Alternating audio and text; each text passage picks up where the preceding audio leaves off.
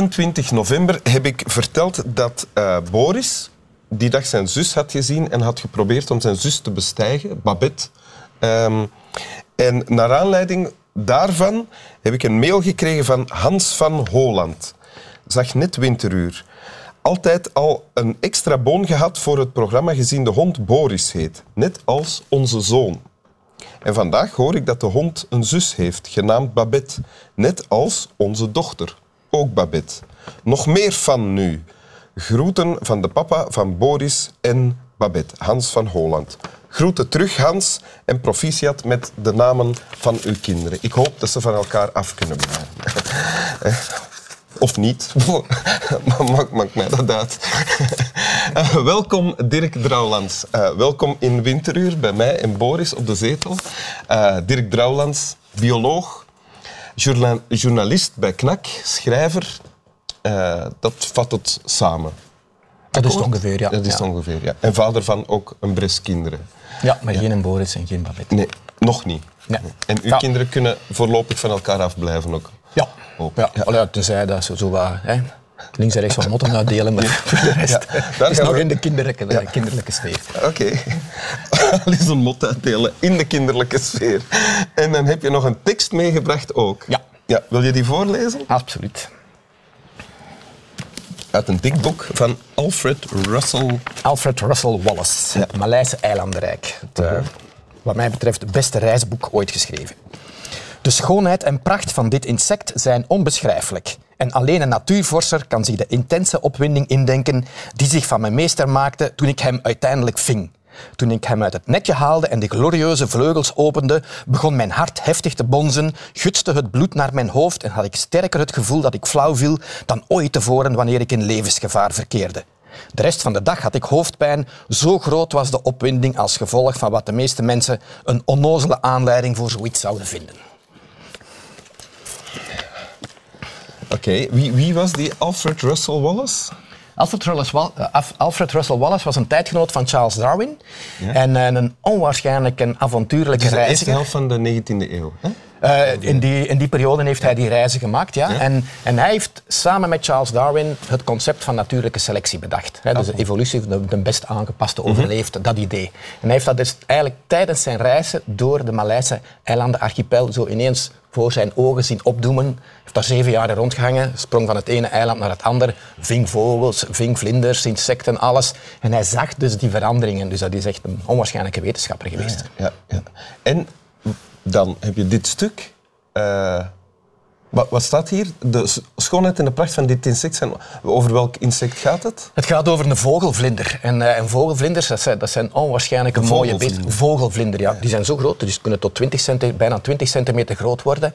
Die zijn eh, zwart met dan knaloranje daarin of knalgroen daarin. En Wallace heeft er zo'n aantal nieuwe soorten gevangen. En in dit geval had hij dus gezien van waarschijnlijk de grootste vogelvlinder die hij ooit gezien had. Maar eh, hij heeft er dan een paar dagen achter moeten jagen met zijn netteke. Ja. Finaal hadden we hem dan. En dan, ja... En ik, ik, ik snap dat gevoel zo perfect. Als je dus zo overvallen wordt door de schoonheid van iets in de natuur, dat je bijna in zwijm valt van, eh, van, van bewondering, dat is, dat is eh, wat hij hier beschrijft. Hè, dat hij zelfs nog hoofdpijn had de rest van de dag van de opwinding toen hij het gevonden had. Ja, ja. Plus, plus die man leefde ook voor niks anders. Hè. Die was dus zeven jaar op reis, alleen maar om, om dieren te zoeken. Hij moest ook, want hij was niet van rijke komaf zoals Charles Darwin, dus hij moest werken voor zijn kost. Dus hij prepareerde veel van die beesten en stuurde die dan op en dan kreeg hij wat geld en kon hij verder. Dus alleen, alleen, alleen met, met verzamelen bezig. En dan zitten daar zo in, in, eh, in, in ja, verdronken, bij wijze van spreken, in die schoonheid van die natuur of in die nat- natuur. En dan, als je dan zo eens echt iets uitzonderlijks ziet of iets speciaal. Ja. En, en hetgeen dat ik daar precies zo leuk aan vind aan dat tekstje is, omdat je dat niet altijd uitgelegd krijgt aan de mensen. En veel dingen. Dus, eh, zot, het, eh, Wat van- krijg je niet uitgerecht? ja, dat je een vogel of een vlinder echt zo mooi kunt vinden dat je daar even niet goed van zet. Ah, ja. Hè, dus dat is toch blijkbaar toch nog veel mensen in onze maatschappij. Die Maar dat is wel iets dat jou overkomen is en blijft overkomen. Ja, soms ja. En, en niet alleen mij. Hè. Ik bedoel, als ik bij mij thuis, ik woon dus echt heel, eh, heel landelijk. En ik heb bijvoorbeeld blauwbos Waar- waar- waar woon je? op de, in, de, in de Waaslandpolders. Dus tussen Doel en Kielrecht. Ja. Echt in, in zo'n mooi natuurgebied. Ik heb bijvoorbeeld zo broedende blauwbosjes voor mijn eh, deur. Dat zijn, eh, dat zijn vogels, hè? vo- kleine vogeltjes, die gelijk ons roodborstje, maar dan met een blauwe borst. En, en, dan, en dan zit er nog zo'n mooi wit plekje eh, terug. En als je daar dan een telescoopknop zet en je laat die aan de mensen zien, iedereen vindt dat fantastisch, maar niemand heeft dat beestje ooit, ooit gezien. Dus je kunt die schoonheid echt overdragen. En omgekeerd, soms heb ik het zelf ook. Hè. Het, eh, zo'n vorig jaar, zo is een, eh, dat, werd, dat werd zo een running joke. Dat ze, soms zien ze dan zoiets zeldzaam in de streek Ja. en dan wordt het op zo'n site gepost. En je kunt dat dan volgen. Hè, wat dan, ik zat dan eens op de redactie van de Knak in Brussel en ineens kreeg ik op die site te zien dat er dus letterlijk in de weien voor mijn huis een grote zeearend zat. En dat is echt En dat is een bijzondere vogel. dat is een hele zeldzame vogel, de grootste arend eh, van Europa en ook bijna van de wereld. Dus dat, als je dat ziet, en dan word ik zot hè, van, van voor te verdekken. Ik zit daar en, en hij zit ginder. En, en, en ja, Wat stond hij ondertussen te doen in Brussel? Te kopiëren misschien. ja, ik weet het niet meer, een te schrijven of Ja. zoiets. Dat, eh, en dan denk je, wat, ik moet terug, ik moet terug. Maar dat gaat dat niet, niet had.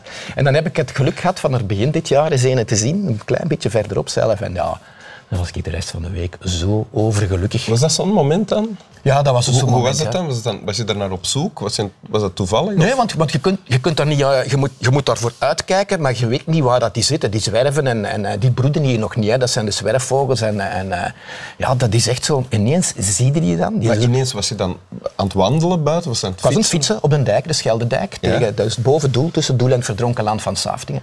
En ineens, je ziet ook, want dat is dan het mooie aan een beetje de natuur te kennen, je ziet zo wat commotie in de lucht. Denk, oh, wat is dat? Commotie in de lucht? Ja, van, van Vogels die- wat raar aan het doen zijn en, Ja. en, en gevoeld van oei, er is, iets- er is, iets, er is iets bizar.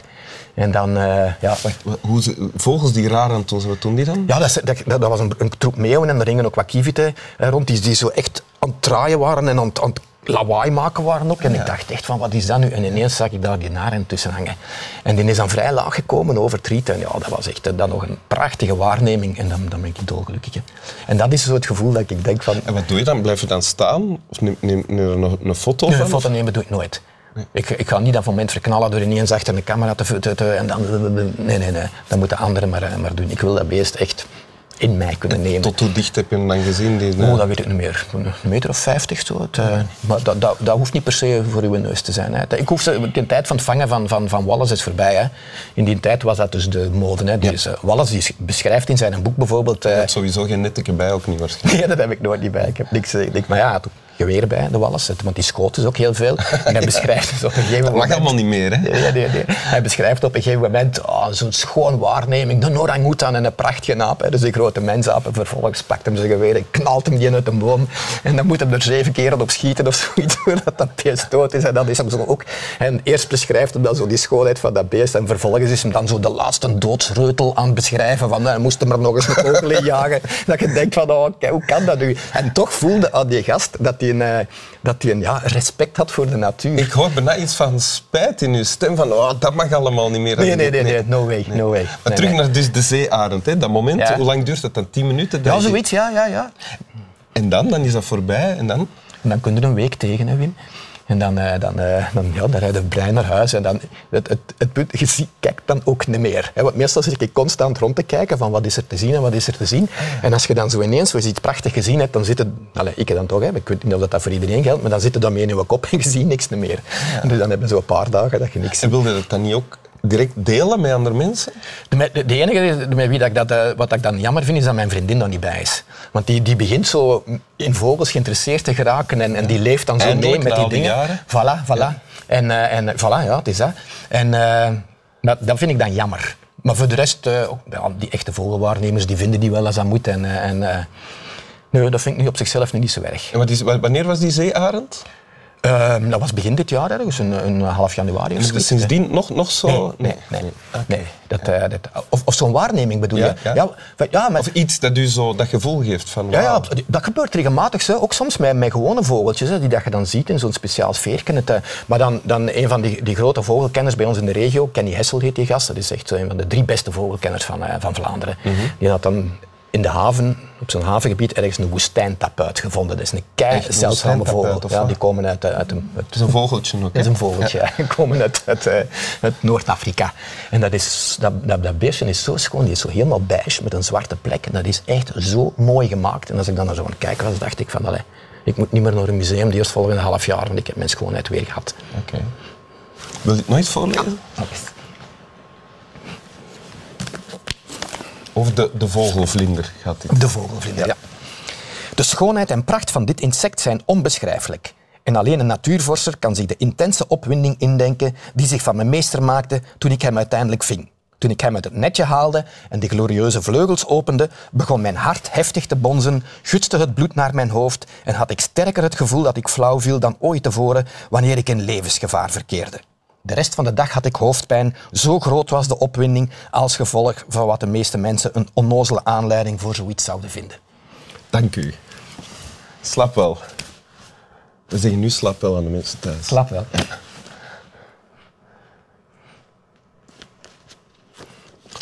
Ornithoptera alexandrae. Het is een Ornithoptera, maar is het een Alexander? Ik denk dat denk deze Wallacei is. Ik denk Ornithoptera Ja? de Oké. vogelvlinder. Ja. Het zou kunnen. Ja, maar er zijn er 32, hè? Dus 32 verschillende soorten. Het zijn allemaal Ornithoptera's, maar ik denk dat in deze die hij beschrijft, dat hij achteraf naar hem is genoemd. Wallacei. Ah, dat bon, zou kunnen. Dat zou kunnen.